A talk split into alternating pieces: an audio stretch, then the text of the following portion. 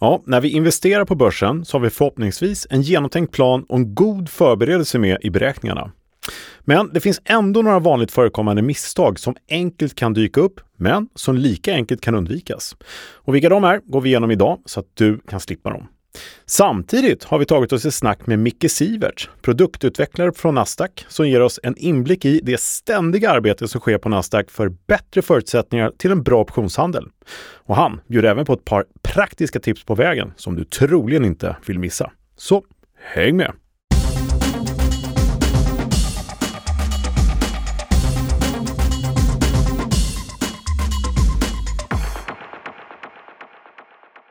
Ja, välkomna tillbaka till Optionspodden. Det här är ju podden som ger dig kunskaper som ingen privat eller professionell investerare på börsen bör vara utan. Här pratar vi om börsens hela verktygslåda. Idag pratar vi om hur bra vi faktiskt kan göra det faktiskt. Eh, och det är avsnitt 82. Och det här gör jag ju tillsammans med Thomas Bernholm. Låt mig, låt mig gissa, du kom från Nasdaq. ja. Exakt. Du, det är kloka ord du säger där. Ja. Det är en verktygslåda som man inte bör vara utan. Nej, men förutsättningarna för det här är ju inte kanske helt givna alla gånger. Att det finns priser i marknaden och hur vi ska tänka när vi handlar, det går vi igenom ganska ofta i och för sig. Mm. Men eh, det finns ju anledning att ta upp det här eh, och bara påminna om, om förutsättningar vi ger oss själva innan vi skapar vår masterplan för bra mm. förvaltning. Just. Men även förutsättningar som skapas och det arbetas för på Nasdaq. Där som vi sitter. pågår hela tiden. Sitter vid sidan om oss där och jobbar hela mm. tiden, där ett gäng. Uh. Och visst eh, föddes idén till dagens tema eh, efter en fråga till podden eller? Ja, flera faktiskt, flera stycken, uh, som har kommit över tid. Det är lite så vi jobbar ju. Mm. Att, uh, vi samlar ihop ja, men de önskemål eller de inriktningar som önskas lite grann. Så att, nu var det dags. Ja, men det är lite så. så att nu informerar vi om hur vi kan optimera saker och ting. Mm. Eh, sista avsnitten har vi ju, det kom frågor om det också. Eh, vi har ju pratat om eh, marknadsplanen, eller säga, investeringsplanen, vår action plan, trading plan, mm. eh, planeringen, liksom, målsättningarna. Ja, mycket sånt, men många frågor ja. om det också. Ja, och jag hade något webbinarium här för ett antal veckor sedan, gick ner genom eh, punktvis var tio stycken punkter man bör ha med den där som skapade mycket kloka mervärden. Okej, okay, kan man komma åt det webbinariet i efterhand? Eller det, det finns i kursportalen. Det gör det? Ja, bra. Det inga... I själva portalen, eller portalen, portalen som ett land. ja. Portalen. Åka till portalen. ja, ja, vad roligt. Ja. Nej men är det alltså optionskurs.nu man går in på, Jajamän. inloggat läge så yes. hittar man bra. Och där ligger det under övrigt eller under bonusdelen där finns det. Bonus till med. Ja, bra. det finns lite bra grejer. Nej men så jag kommer frågor om det, eh, just hur man skapar den här planen, för det föder ju naturligtvis lite frågetecken. Hur, vad bör jag tänka på där och eh, hur får jag till en, en bra liksom, standardplan för min investerings, min portfölj, helt mm. min aktiehandel och optionshandel. Och liksom så. då frågor på Nasdaqs pågående arbete för likviditet och kvalitet. Ja, precis. Ja. Och det är också en fråga. Det är spreadar i marknaden och ibland finns det inga priser och allt där har ju sin helt naturliga förklaring. Mm. Och eh, på sin plats att prata lite om market makers också, se vad det är för någonting. Det. det. kommer vi till. Och därför träffade vi också Mikael Siverts, eller ja, Sivan som just det. vi kallar honom. Sivan ja. Bra, Nej, men det låter väl jättebra det här. Ja men precis, så att eh, vi kan säga det till lyssnarna, fortsätt komma in med eh, förslag på vad ni vill höra mer om. Om det är någonting som eh, ja, men ni undrar över lite extra sådär, eh, skicka in det till oss. För förr eller senare mm. så beaktas frågan kan man säga. Ja. ja, men vi ser frågan så fort den kommer. Eh, kanske inte hinner svara på alla. Nej, eh, sådär. Men vi eh, tar det till oss och lägger det till lilla frågebanken och sen så tittar vi på det här när vi gör vår lilla batch med... Eh, som idag. Ja, mm. precis. Bra. Så förhoppningsvis så är det någonting som återigen ska ge lite mer värden till optionshandlarna där ute. Hoppas vi. Ska vi kasta oss in och kika på marknaden ja. eller vill du säga någonting mer? Om vi Nej, jag vill prata marknaden. Då gör vi det. Ja, Bra. vi hoppar dit. Okay. Ja, Kalle, hur ser mm. det då ut på marknaden? Ja, börsen har ju haft en lite svag utveckling sådär. Mm. Och jag tror att i skrivande eller talande stund, hur vi nu ska uttala det, så har vi väl eh, fem eller sex nedgångsdagar i rad igen som vi hade för någon tid sedan. Jag pratade om det i förra avsnittet för mig. Eh, så att det fortsätter med en svag men ganska lugn utveckling. Det är inte så att det rasar flera procent flera dagar mm. utan tickar på neråt här. Så att nu är vi nog nära minuskontot för årsskiftet skulle mm. jag säga. Eh, så det är väl det stora, att vi inte har kvar någonting av lilla uppgången sedan årsskiftet. Sen har det gått både upp och ner under året som vi känner till, men eh, nu börjar vi bli netto minus här igen då, så får vi se På index ja. Det finns säkert många glada optionshandlare som har tjänat pengar på nedgång. Ja, men jag ska säga det faktiskt att eh, det är allt fler som börjar titta på strategier som faktiskt skyddar portföljen kanske eller som skapar en ska vi kalla för alternativ avkastning till mm. aktiemarknaden. Därför att, ja men det blir ju en sidlänges mm. utveckling som du gillar att säga, mm. som går åt sidan. Det rör sig varken upp eller ner över tid. Och det är ju inte roligt för en vanlig long only som vi säger, aktieförvaltare. Då sitter man ju och försöker hitta sådana här aktier som ska sticka iväg lite extra. Men med våra optioner så kan vi faktiskt få in premium och skapa avkastningar i aktier bara för att de inte rör sig och sådär. Så fler som tittar på det. Så att, eh, positivt. Eh, mm, ja, det är positivt på det, i den aspekten finns möjligheter. Mm. Men lite, lite sur marknad är det allt just nu. Kollar vi eh, då risktermer, var det du skulle fråga precis? Ja. ja. Hur visste du det? Där, jag bara gissa. ja. Jo, men riskbilden har ju förstås ökat ganska kraftigt eh, i takt med att börsen börjar ticka på neråt. Det är ju så psykologiskt, värt att nämna att psykologin har ett stort, stort, eh, stor inverkan i allt vi gör på börsen. Mm. Och när det börjar ticka på neråt lite mer än en dag eller två eller tre dagar sådär, och kanske fyra dagar i rad så, då börjar det hända saker i investerares hjärnor. Ska det här gå ner jättemycket? Ska det, kommer det stora raset snart? Eh, eller hur blir det? Så mm. man blir lite nervös. Så att VIX-index vi brukar mäta risk i har ju gått upp nästan 40 procent sedan förra gången vi stod här och pratade tror jag. Mm. Och ligger nu på 18,5 ungefär. Eh, och sist så låg den på 13,5 eller någonting åt det hållet, eller strax vid 13. En låg nivå. Så nu har det eh, stuckit upp ganska rejält, men fortfarande inte på några alarmerande nivåer alls. Så det är fortfarande ganska låga historiska nivåer, men det är ökningen ja. där som kanske är lite... Ja, men precis. Det är där man får lite vaksam kring. Det kan mm. ju faktiskt, eh, om det nu vill sig illa, det kommer någon trigger. Vi är mitt inne i rapportperiod här. Kommer det någonting som är väldigt dåligt som eh, alltså flera bolag börjar visa dåliga resultat eller kanske kommer någon annan siffra, någon trigger ute i den politiska världen eller så. Då kan det här sticka iväg ordentligt mm. förstås. Mm. Eh, för då kommer vi raskt över på SKEW-index. Eh, och vad visar den? Skevheten ja. Ja, och vad har vi för nytta av att kolla på skevheten då? Det visar helt enkelt hur mycket man är beredd att betala då för nedsidesskydd på våra optioner. Och här har vi då ett litet eh, intressant case. Därför var vi uppe vid 145-150 tidigare i somras, eh, till och med över 150. I början på hösten här så gick det ner ganska ordentligt eh, med skur. Alltså prisbilden på skydd på nedsidan föll kraftigt för att sen gå upp igen mm. nu i början på hösten. Och, och, vad hade vi för värde för två veckor sedan? Då, då hade vi 137. Var ligger vi nu? Nu ligger vi på 136. Okay. Så det har inte rört sig så mycket på två veckor men det har gått lite däremellan faktiskt. Både, både uppåt och lite neråt. Ja, men det är lite, lite lägre med andra ord. Det är lite lägre mm. och med tanke på att börsen faktiskt har gått ner så har ju den eh, ska säga, den dåvarande nedsidan som var för två veckor sedan blivit mm. den nuvarande aktuella spotnivån så att säga, at the money. Eh, så att vi ska säga så här att det är ingen jättefara, det är inga alarmerande nivåer här heller. Men det är fortfarande över medel vad man är villig att betala faktiskt för en riskpremie. Så att det finns en beredskap, så kan vi säga. Och tittar vi på ratio vi brukar göra när vi kommer till volatiliteten just på VIX-index så har vi ju en markant ökning på de optionerna. Man spekulerar i att VIX-index ska bli mer rörligt. Men nu har ju VIX-index faktiskt gått upp kraftigt som vi sa, 30-40 mm. Så när båda de går upp, då sjunker ration förstås. Ja, just eh, och då ser vi att det nästan blir bekräftat. Den här eh, nedgången vi har haft, den blir liksom eh, ett faktum och ingen oro att det ska komma, utan det faktiskt bekräftas att nu har det gått ner. Och då ser man det här att det finns ingen fortsatt vägledning i värderingen för kommande investeringsperiod. Mm. Att det ska fortsätta ner mycket, mycket mer. Det där är superintressant. Mm, det är väldigt intressant att se vad man faktiskt, man ska tänka så här att de investerare som sitter och köper försäkringspremium kan jag kalla det för förenkla lite grann. Yeah. Vad de är beredda att betala för det rent psykologiskt och i sina viktiga portföljer som ändå, de håller ju hårt i pengarna.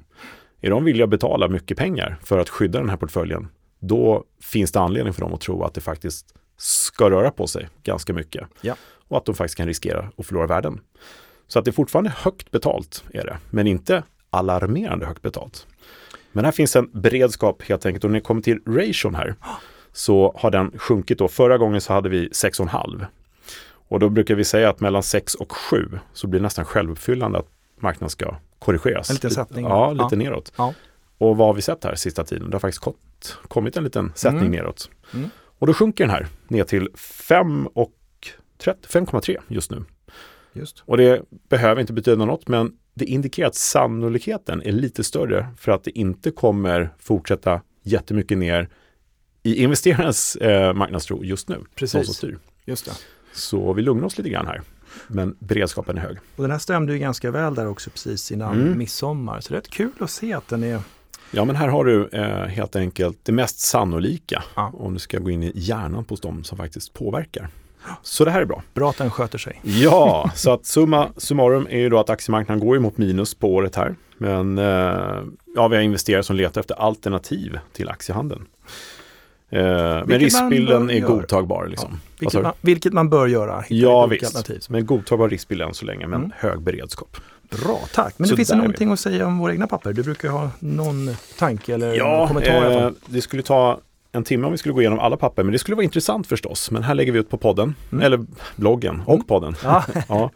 Eh, alla våra indexpapper och vi pratar om eh, edgen, vi pratar om alltså skillnaden mellan den historiska volatiliteten som har varit fram till, i det här fallet idag, eh, och mot vad investerare tror risken ska vara i närtid. Det vill säga implicit volatilitet? Ja, mm. i den tredje fredagen i oktober i det här fallet. Mm. Och då ser vi att index historiskt fram till idag har rört sig med en hastighet riskbild av 10,6 procent eh, volatilitetsmässigt.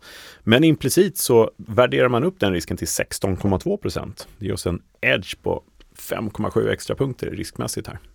Sådär. Och det är ju ingen superpanik. 16% är fortfarande väldigt, väldigt attraktivt om man ska ta risk. Men det finns en liten uppsida på riskbilden här förstås. På index gör det. Sen har vi ju, eh, vi kan ju ta till exempel Ericsson som vi har varit på lite tapeten.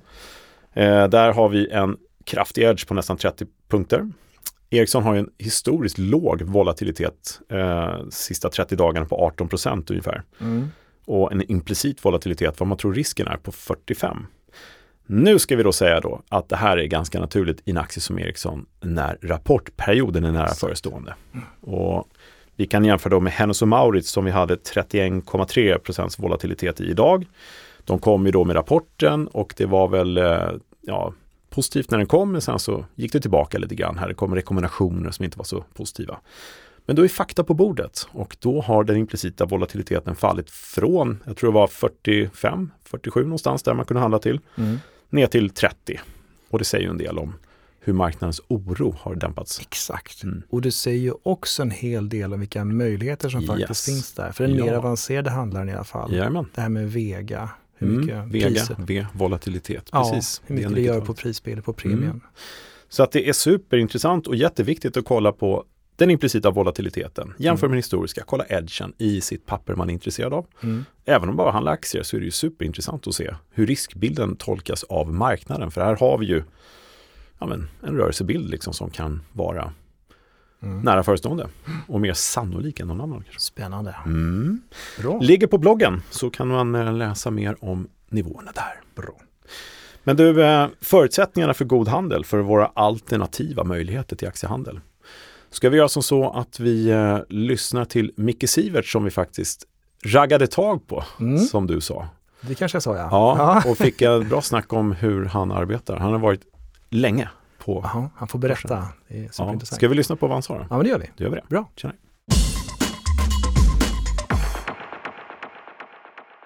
Ja, då sitter vi alltså på Nasdaq i Frihamnen och vi har raggat tag på Sivan, Mikael Siverts.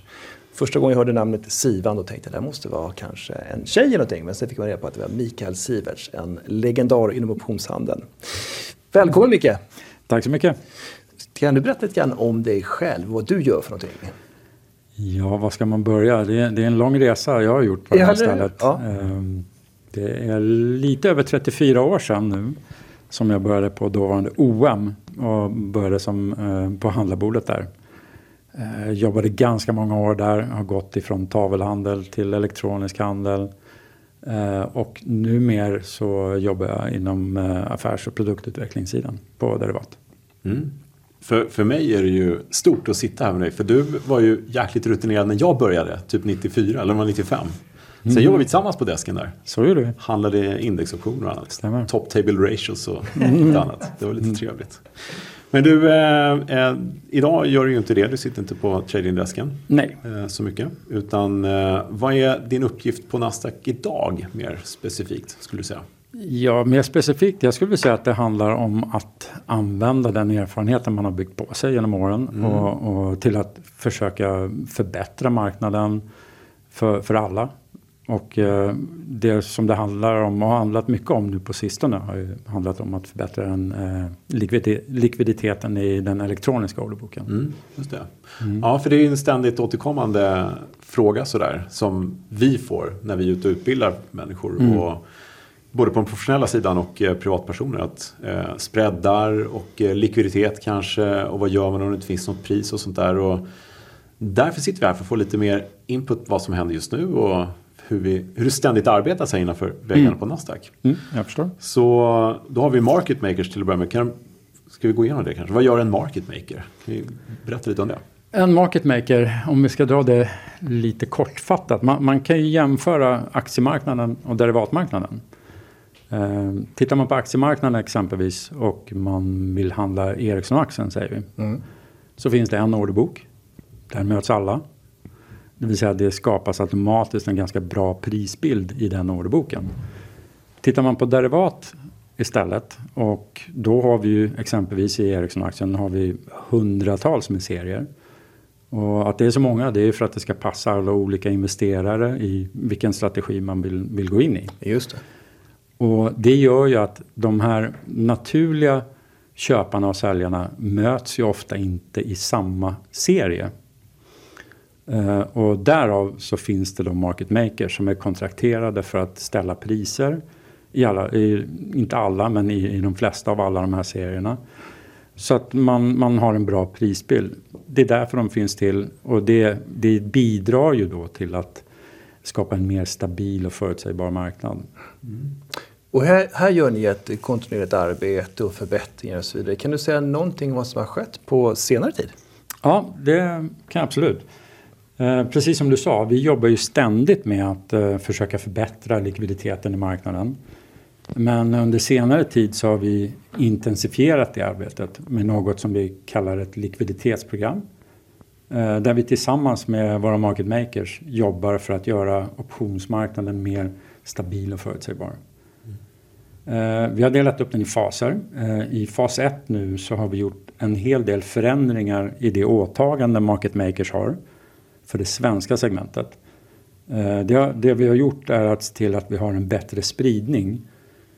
Med spridning så menar jag att vi har nu i stort sett inga aktier utan market makers kontrakterade och vi har mm. fler aktier med minst två stycken market makers.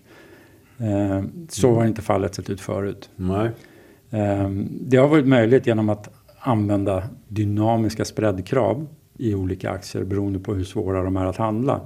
Vilket har gjort att risken och svårigheten för en market maker är ganska lika oavsett vilken aktie du, du faktiskt handlar mm. eller ställer priser i. Så det, det har, har ju då gjort, gett oss möjligheten till att fördela ut market makers mer mellan olika underliggande. Ja. Jättebra.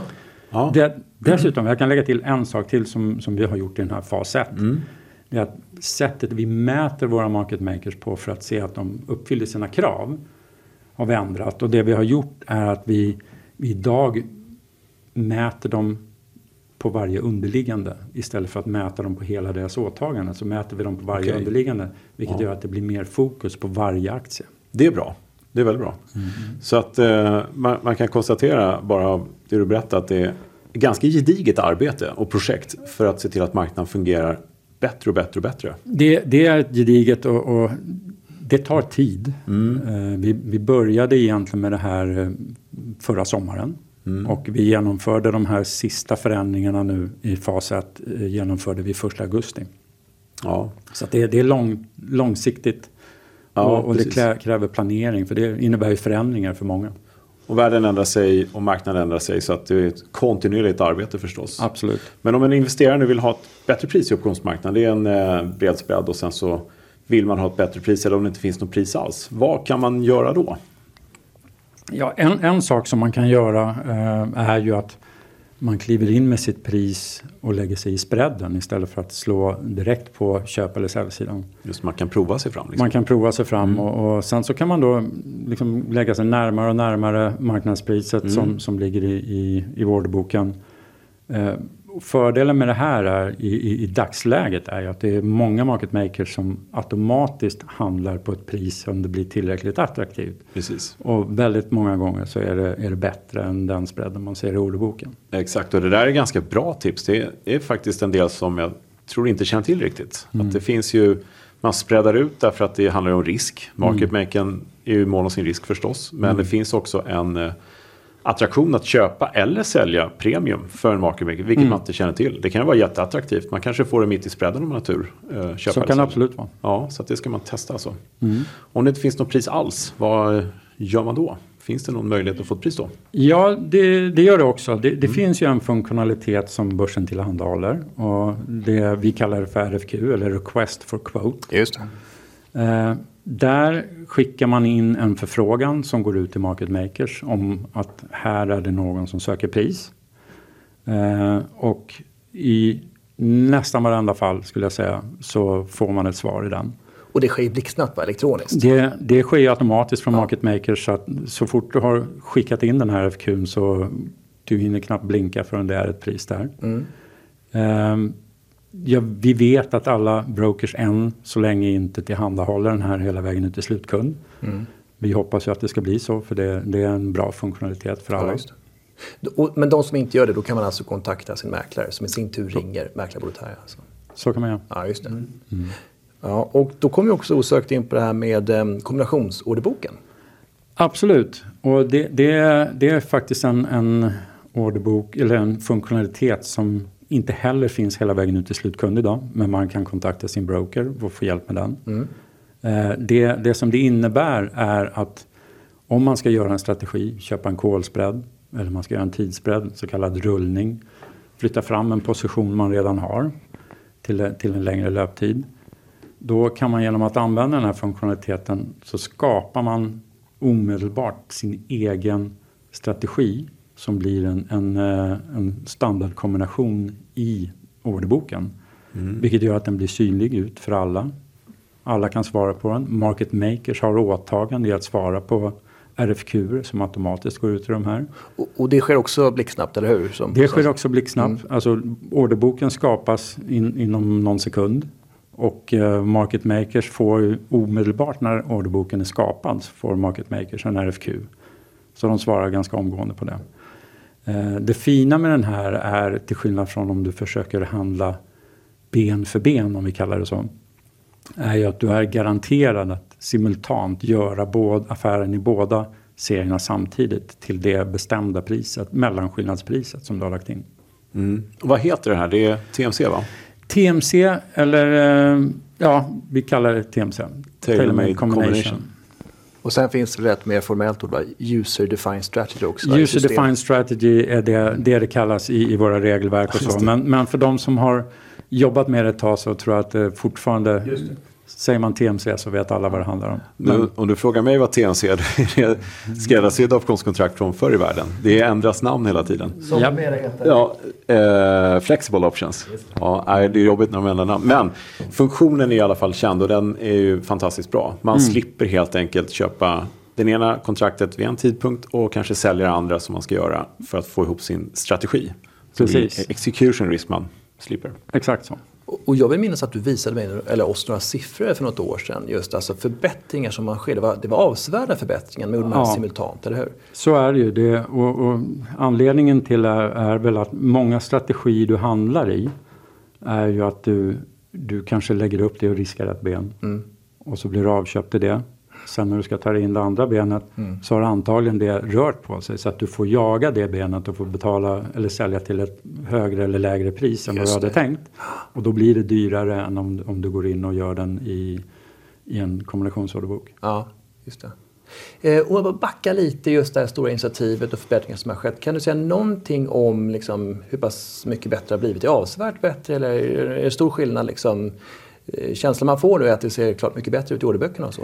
Så, så är det absolut. Eh, vi, vi har ju självklart börjat redan nu att göra, eh, eftersom det här det sista som vi gjorde skedde 1 augusti och vi är i september, så har vi gjort en jämförelse med april månad och eh, augusti månad. Och det vi har hittat då är en signifikativ förbättring. Eh, som ett exempel som, som man kan nämna då är att vi har tittat på närvaron av market makers mätt som ett snitt mellan alla market makers och alla underliggande. Mm. Låg i april på ungefär 76 procent okay. av tiden, ja. av dagens tid. Då. Mm. Och det snittet nu efter är 89 procent. Så att redan där ser vi en, en, en enorm förbättring. Det är en kraftig ökning med andra mm. ord. Så är det. Ja, om du tänker dig mycket eh, marknaden idag och jämför med förr helt enkelt. Du har varit med ganska länge. Hur ser, vad ser du för skillnader då? Ja, det, det beror på hur långt tillbaka man går. Men mm. om, om, vi börjar med att gå tillbaka kanske 15 år, 20 mm. år, någonting sådant. Så, så är väl en stor skillnad eh, idag mot då. Vad är ju att vi eh, har, allting går mycket snabbare. Vi har mycket, allting sker mycket mer automatiskt. Och det har i sig inneburit att vi har antal fler aktier eller underliggande instrument listade med fler serier i. Just det. Och, och, det gör ju också, vi pratade om market makers förut, det gör ju att deras åtaganden har ju varit möjligt att öka också. För det har blivit enklare när det är automatiserat. Ja. Mm. För, för att rätta mig om jag har fel, men de satt och kvoterade också manuellt va? I, det, det, var manuell kvotering, det är inte automatiserat på något, ja, halvautomatiserat skulle ja. man kanske kunna säga, men inte som det ser ut idag. Så mm. det är en stor skillnad. Den andra stora skillnaden är väl att går vi tillbaka till den tiden så hade vi, vi hade färre aktörer på marknaden.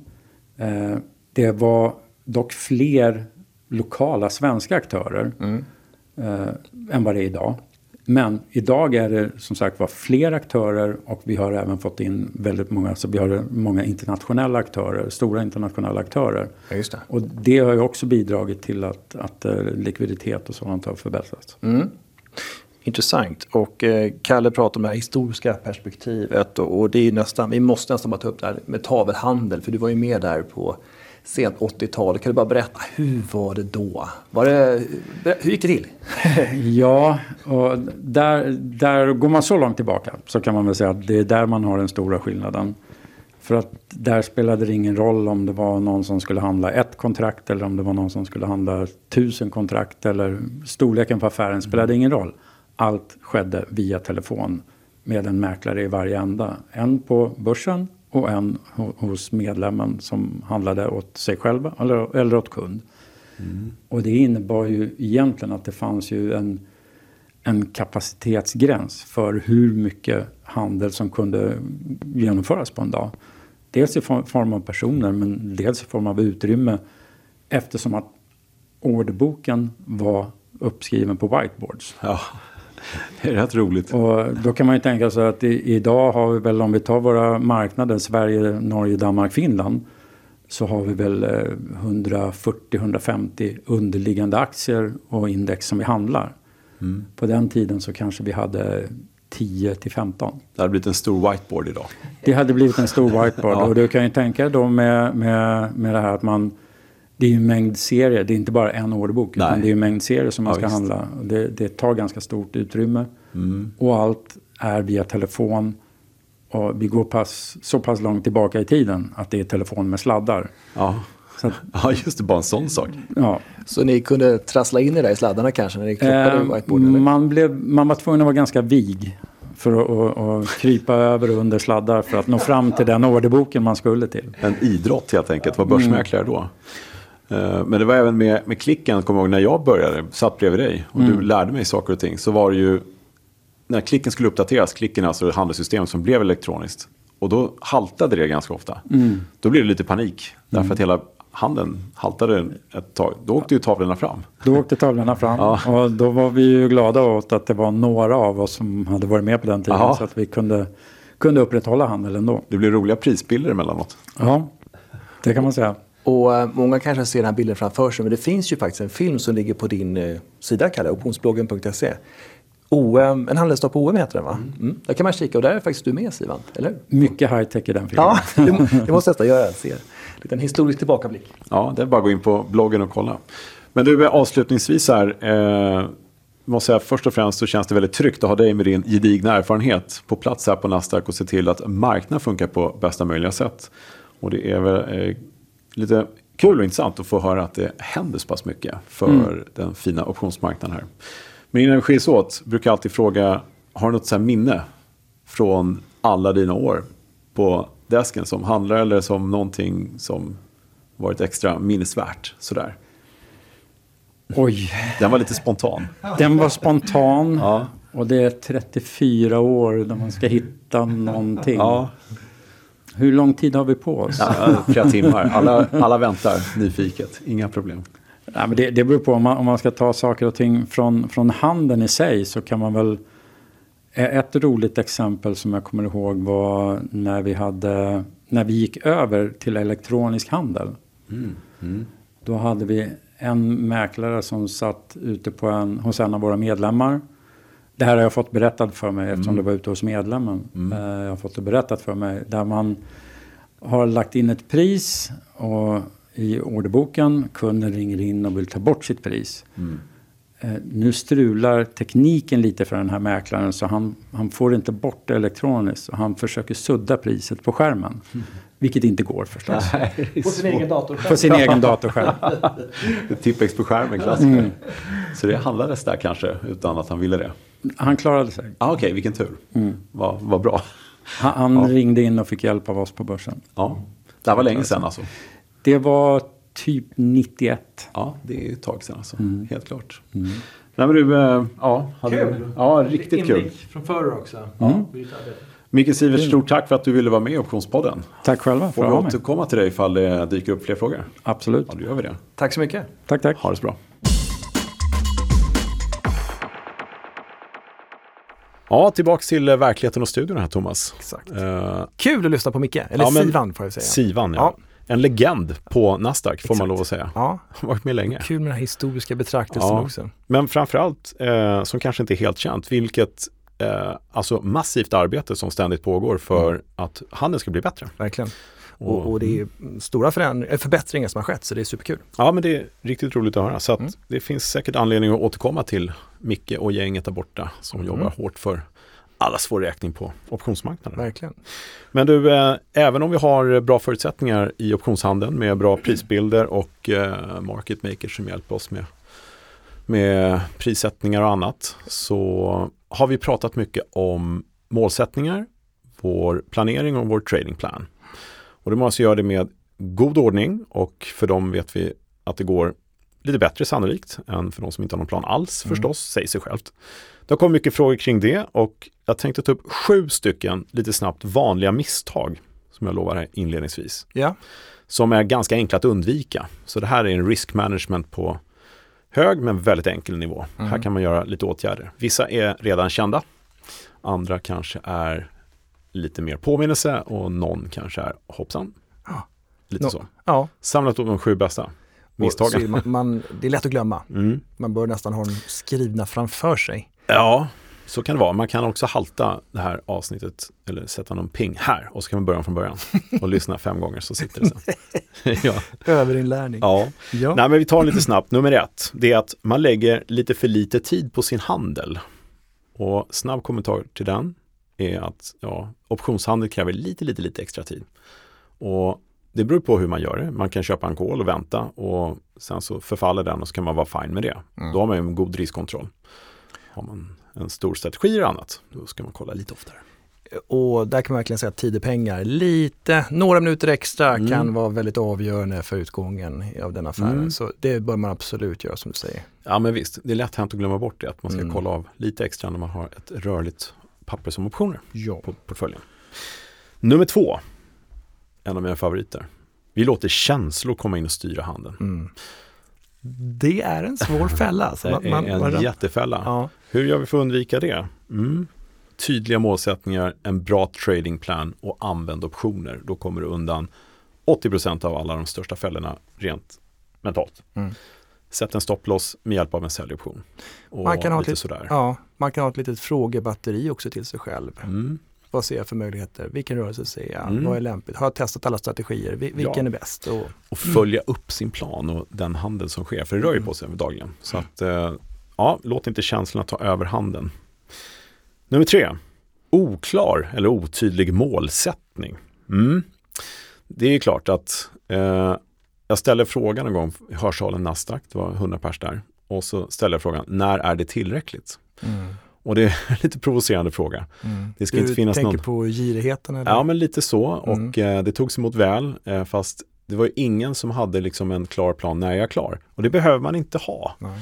Men det kan vara bra att ha en målsättning med vad som är sannolikt för just en specifik affär. Mm. När är jag nöjd? Om Ericsson går från 52 kronor till 70 kronor, är jag nöjd då? Det bör man vara om det sker ganska snabbt. Mm. Eller är jag nöjd med att den går till 80 kronor om fem år? Ja, då är det det. Så man hittar en rimlighet, en god sannolikhet och är nöjd med sin målsättning. Så man inte ändrar på sig. Nej men exakt, jag tror många kanske stannar där och alltså fastnar lite. Okej, okay, jag vill mm. ska gå dit och dit och så många procent ska jag göra. Men jag tycker i sin målsättning bör man även beakta det här med risk. Mm. Vad är mitt mål? Alltså hur mycket risk är jag beredd att ta? Just precis. Eh, för att det mm. är ju rätt avgörande. Du ja. kanske kommer in på det sen, men alltså jag ja. tycker att det, ja, det hänger ihop. Inte, liksom. Ja, men exakt. Ja. För att, Nej men det gör det. Och eh, nästa punkt här, nummer fyra är ju då, hänger ju direkt ihop. Man har ingen trading plan. Mm. En investeringsplan helt enkelt. Och det behöver inte bli avancerat, men så att man har en liten regelbok för sig själv när man går in i ett innehav och när man går ur och på vilket sätt. Är det via en såld putt som man får sitt innehav? Vad händer om jag inte får den? Vad gör jag då? Enkla regler. Så att när det händer någonting på börsen, vilket oftast kommer lite så här eh, oväntat. Ja, precis. Då är det bra om man vet vad man ska göra direkt så att man slipper tänka efter just där och då för det blir mentalt svårt. Mm. Så en tradingplan är väldigt bra till sina målsättningar. Ja visst, jag tror att det är viktigt att tänka också på helheten också i, i sin portfölj då. Mm. Så man inte bara kanske tänker på en optionsstrategi utan se helheten. För det finns ju kanske korrelationscase mm. och något olika håll och sådana ja, saker. Så mycket att, bra, väldigt bra. Nummer fem, det är problemet att inte vara konsekvent i sin handel. Mm, den har man provat några gånger. Ja, eller hur? ja. Man ändrar sig lite hit och lite dit och man ser just nu går det så och så, då gör jag så här istället. Nej, vi har ju målsättningar, vi har en tradingplan. Följ planen. Och det är väldigt lockande ibland att säga, men nu ser det si och så ut, då gör jag si och så. Mm. Och det ska vara oerhört säkra boliner ifall man ska ändra på någonting då, och det brukar det sällan vara. Så var konsekvent, följ din plan, se till att det följs, då hamnar man på rätt sida strecket så småningom. Ja, och vi har tagit upp det förut också, men just att följa din plan, det handlar om också att när det nu har kommit ner, mm. då är min plan att då ska jag gå in exempelvis. Ja, så att man också ja. agerar och vågar gå in när man mm. har tänkt det. verkligen. Ja, precis. Det, det, är superviktigt, för där har jag själv mm. fastnat många gånger. Mm. Jag tänkte, händer det då ska jag gå in och bara, nej men vänta nu väntar det. Varför, ja. varför väntar det? Vad, som ja, Anders Stenkrona sa. Vad, vad, vad är det du väntar på? Ja, precis, vad väntar jag på? Det var ju nu jag skulle gå in ju. Och, Nej, men så det är bra. Anders mm. Stenkrona, tidigare mm. avsnitt helt enkelt, pratade börspsykologi här för ett ja. avsnitt sedan. Det måste ni lyssna på. Ja, men det är väldigt kloka, mm. liksom, eh, eftertänksamma inspelare. Ja. Nummer 6 av 7. Du har för lite investering i dig själv när vi pratar om investeringar här. Mm. Och det här är ganska brett tänker jag. Då, som det, är lite det må jag säga. Jag, jag fick massa tankar här. Mm. Ja, hur tänker du här då? Jag tänker ju främst då att du ska investera i dig själv när det gäller kunskaper ja, förstås, förstås, i första ledet. Utbilda dig själv så att du vet lite vad du gör. Yes. Optioner naturligtvis, men läs på om börspsykologi lite grann och kanske Ja men Stenkronas bok till exempel om börspsykologi och lite sådär. Nu låter det som att han sponsrat oss nästan, ja, men precis. har inte gjort det. Nej, men, men, vi får ingenting ja, för det här. Nej, nej men det, det, det, är liksom eh, bra saker att eh, mm. ha eh, en investering i sig själv. Sen mm. självklart, må bra och se till att du liksom rör på dig allt det här. Men mm. det, det är en annan podd. Just det. Eh, så att investera i sig själv är aldrig fel. Men det... För då orkar man kanske lägga mer tid också som första punkten var. Ja, faktiskt. Mm. Och eh, låta känslor styra handen och sådär så man är förberedd. Så allt det gör att man faktiskt investerar i sig själv. Alla de här punkterna. Men sen sist men inte minst då, det som är ett vanligt misstag, nästan det största. Bristen på risk management som du var inne på där mm. tidigare. Och om man gjort alla de här första, då känns det som att den ska vara klar. Men det kan ju vara som så att målsättningen är att jag ska tjäna en miljard på en vecka. Och då vill jag ta eh, eh, måls, målsättningen så då, en tradingplan att jag ska köpa och belåna min portfölj hundra gånger och sen så handlar jag och så tar jag risk till tusen procent. Mm. Det är ju inget bra. Nej. Men om man slutar larva sig och inte överdriva så mycket så kan det vara så att man ska lägga en risk management på en bra nivå. Till exempel så är det många som har ingen affär får ta mer än max 1% av hela portföljvärdet Exakt. till exempel. Och det vill jag minnas att du pratar om i ett mm. avsnitt för kanske tio gånger sedan. Eller sånt där, va? Ja, precis. Mm. Och det är position sizing och liksom mm. hur stora positioner ska du egentligen ta motsvarande att max förlora si så mycket, kanske max 1% av portföljens värde. Aldrig förlora mer än så i en affär till exempel. Mm. Och vad händer om du gör det? Och är du på väg dit? Optionsstrategier och så vidare. Så det är mycket du kan göra.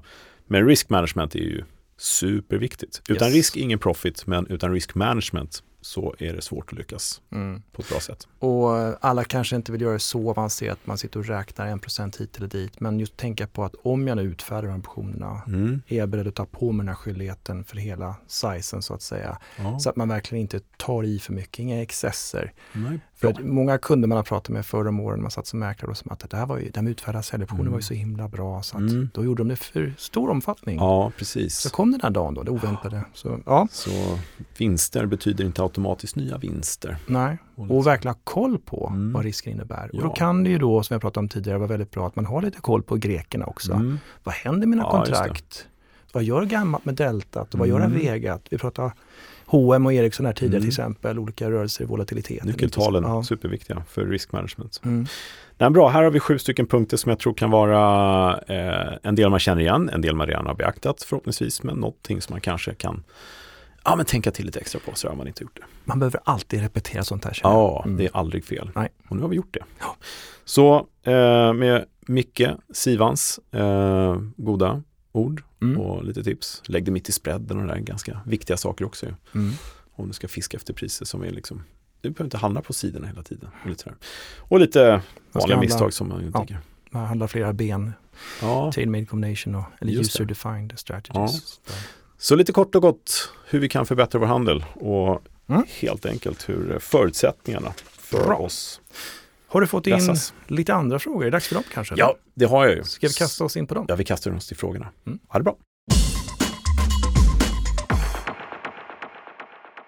Ja, Kalle, vilka mm. frågor har du nu valt ut? Ja, precis. Eh, det kommer ju eh, frågor från lite olika håll och kanter och fortsätt med det, tack. Fast eh, mest via e-mail va? Ja. Haha, Göteborg, Thomas. Nej. Ja. Men, Nasdaq Göteborg. Mm. Ja. Jo, eh, men det kom faktiskt från alla håll och kanter. Eh, lite så här voice från stan också. Men jag har tagit de som är lite aktuella för dagen och samlat de som eh, en fråga som Gunnar här ställer till exempel, som är inte alls ovanlig. Han frågar så här, kan jag bli en market maker på börsen? Och då riktar jag frågan direkt till dig. Mm. Ja, alltså inte någon formell sådan som privatperson skulle Nej. jag säga. Nej. Eh, det är mer än vad jag vet i så fall. Det är nog det som är tanken, att ja, man sitter med sin privata portfölj och Men, kan man bli market maker då? Mm, exakt. Mm. Nej, jag skulle säga spontant nej på det. Sen, sen, ja, det Blankt nej skulle jag säga. Ja. Det är helt omöjligt. Du måste vara anställd hos en medlem va, som har avtalen. Mm, en precis. bank eller liknande. Ja, exakt. Eh, det jag tänker på eh, parallellt, det är ju såklart han kan ju vara en informell sådan. Det finns ju faktiskt folk som kvoterar priser. Mm. De som är ganska stora i optionshandel, daytraders och sådär. Mm. Som kan faktiskt ställa både köp och säljkurs. Ja just de får inte för någon, någonting för det. Nej, de får, nej. nej, precis. Det är inga eh, market maker-villkor och rabatter och sånt. Nej, precis. Men det är med att de... Och inga krav heller förstås. Nej, men, precis. Men, så att eh, om, om man tycker att det är spännande att göra det och ser en vinning i det ja. så kan vi göra det, men, men inte formellt så att säga. Nej, och det kräver lite system också. Ja, det... Som håller koll på bitarna. Ja, men precis. Det, det är klart fördel kanske inte att rekommendera Nej. helt ifall man inte är väldigt insatt i optionshandel. Jag, jag gillar tanken. Ja, ja, ja. bra, bra mm. Gunnar. Kör hårt säger vi. ja. eh, Sia frågar, eh, klok fråga, har inflationen och den höga räntan gjort optionskontrakten dyrare?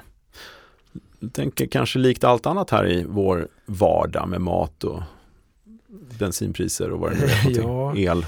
Ja, eh, om vi tittar på inflationen inte. först då kanske så ser man kanske inga direkta prishöjningar på grund av det. Och räntan, alltså visst, kolen kanske blir dyrare då men putten blir billigare. Så att, alltså det beror på lite grann hur, du, ja. hur man tänker. Men man kan säga så här, terminspriserna Mm. som baseras då på underliggande plus räntan. Mm. Och så avdrag för ut, uh, utdelning då, eventuell, eventuell utdelning ska tilläggas. Mm. Där har du ju att de priserna stiger såklart lite grann. Men uh, det är ju inte något uppenbart så, för att som sagt nej. puttarna blir ju då billigare. Ja, nej, jag skulle säga blankt nej. Det mm. har inte gjort dem dyrare alls. Och det, räntan är ju av de sex faktorer vi har som påverkar premien, den mm. absolut minst påverkande. Exakt. Skulle kunna ha 15% ränta egentligen och inte jätte, jätte, jätte, jättemycket händer med premien på tre veckor eller någonting sånt där. Nej, det är terminerna eh, framförallt, långa. Ja. ja. Rent teorin och rent praktiskt så blir ju kolsen dyrare än puttarna, mm. så är det ju. Men, eh, och det kan man ju utnyttja på något sätt. Och rent teoretiskt så blir det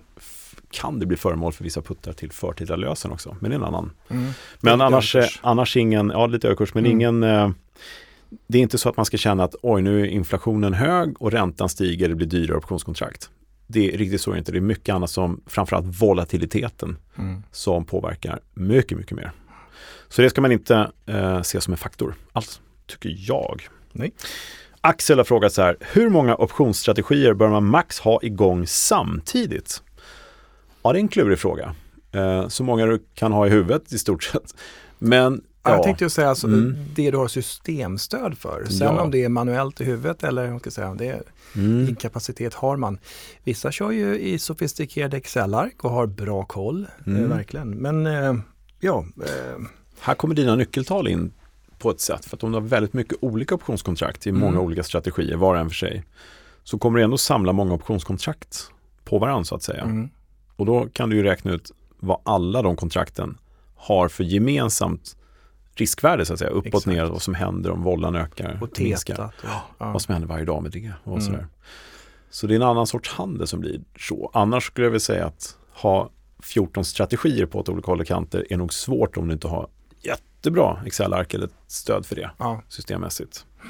Precis. Så men det finns ju ja. de som har eh, lite udda, stora strategier. Mm. Ja, eh, jag, absolut. Den största kombinationsorden jag har gjort tror jag, det var åtta stycken optionsben i samma veva med en indexgrej.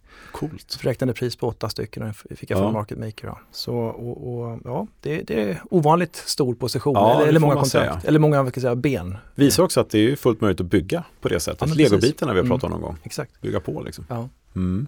Så att, eh, nej men eh, det finns väl ingen gräns. Så länge man har en god riskkontroll som vi har varit inne på och en bra plan för saker och ting. Mm. Så finns det ingen gräns. Men vettig frågan då, är det någon liksom gräns sådär? Det är det ju inte utan det är upp till var och en. Men... Får se om någon hör av sig och säger att det är ju max 8. ja, faktiskt. Precis. Men en market maker och de som har en optionsbok, de kan nog ha oerhört många. Om, om vi säger strategimässigt olika antal ben mm. och uh, user defined uh, strategies. strategies elektroniskt, hur många ben kan du ha i den? Fyra, mm. om man inte uppdaterar med fyra stycken. Mm. Det brukar räcka mer än väl. De flesta, ska vi kalla för ordinarie strategier, är ju max fyra ben. Finns inte många med fem ben. Som Nej, är standardiserade. Det är väl, ja, du har Iron Condors och Butterflies och sånt där fyra. Mm. Ja, det är tre. I mm, Butterfly mm, tre, fyra. Ja, fyra. Ja, ja. Iron Condor. Eh, ja, bra Axel, tack. Du fick oss att fundera lite grann. Ja, här, det, det var bra. Uppfriskande. Ja, faktiskt. Mm. Men vi sammanfattar och vi har ett litet ordspråk eh, som passar bra in idag. Ska jag läsa rakt av eller? Om du inte kan det utan till. Jo, mm. det låter så här. The best fighter is never angry. Och vad vill jag ha sagt med det?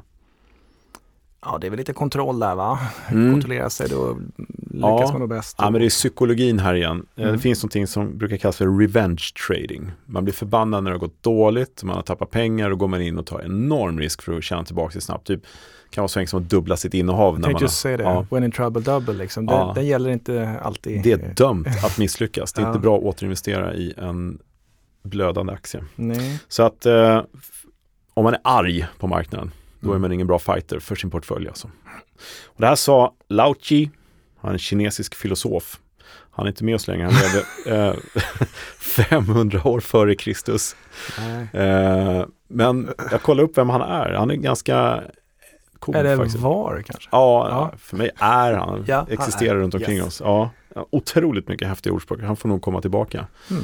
Men han blev kontaktad av kejsaren på något sätt, på något vänster back in the days. Och eh, satte liksom massa parametrar för dynastin där och, okay. och liksom utvecklade saker och ting. Så att, ja, stor filosof. Mm. Så det är så. Bra. Dags att runda av. Ja, och då brukar du rabbla några adresser. Webbadresser? Ja, Vallalavägen 147. ja, vi har ju optionspodden.se, mm. optionsbloggen.se. Vi har eh, nasdaq.com slash derivatives academy. Mm. Där kan man gå och läsa om det projekt vi har jobbat med i snart två år nu som tutar på bra progress där. Ja, men visst. Uh, ja, att se Björkgren mm. på X. Ja, exakt. Uh, X-akt och, uh, och sen ja. optionsplay.se. Ja, det också. Verktyget. Ja. Mm. Kan man laborera lite grann. Ja. Så där har vi lite hemsidor för de som mot all förmodan inte hört det förut. Mm. Så, mm. Sen har vi också lite nyhetsbrev som kommer, inte varje månad, men vi skickar det nog mm. sådär ja, frekvent.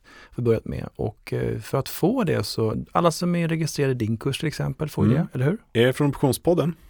Eh, nej men jag tänker på månadsbrev, eller ja, inte månadsbrev utan det här eh, nyhetsbrevet och eh, alla som är... Nasdaq? Ja exakt. Nasdaqs nyhetsbrev? Ja. ja. Från Academy typ? Exakt. Ja. Men eh, alla som är registrerade i din kurs ja. får det. Just det. Så är man inte registrerad så gör det. Ja men det tycker jag. Ja. Och då får man lite ja, inbjudan till webbinarier och det är kanske händer saker på börsen framöver, vem vet. Mm. Och lite sådana saker. Det är lite och då där man kunde kika på webbinariet i efterhand också? E exakt, bland Precis. annat och massa andra saker. Mm. Så det är så. Uh, in och sätt fart med alla bra grejer. Strålande, ska ja. vi avsluta där? Det gör vi. Ja, tack, tack, så mycket för idag. För idag. Tack för att ni lyssnade. Tack, tack. hej. hej, hej.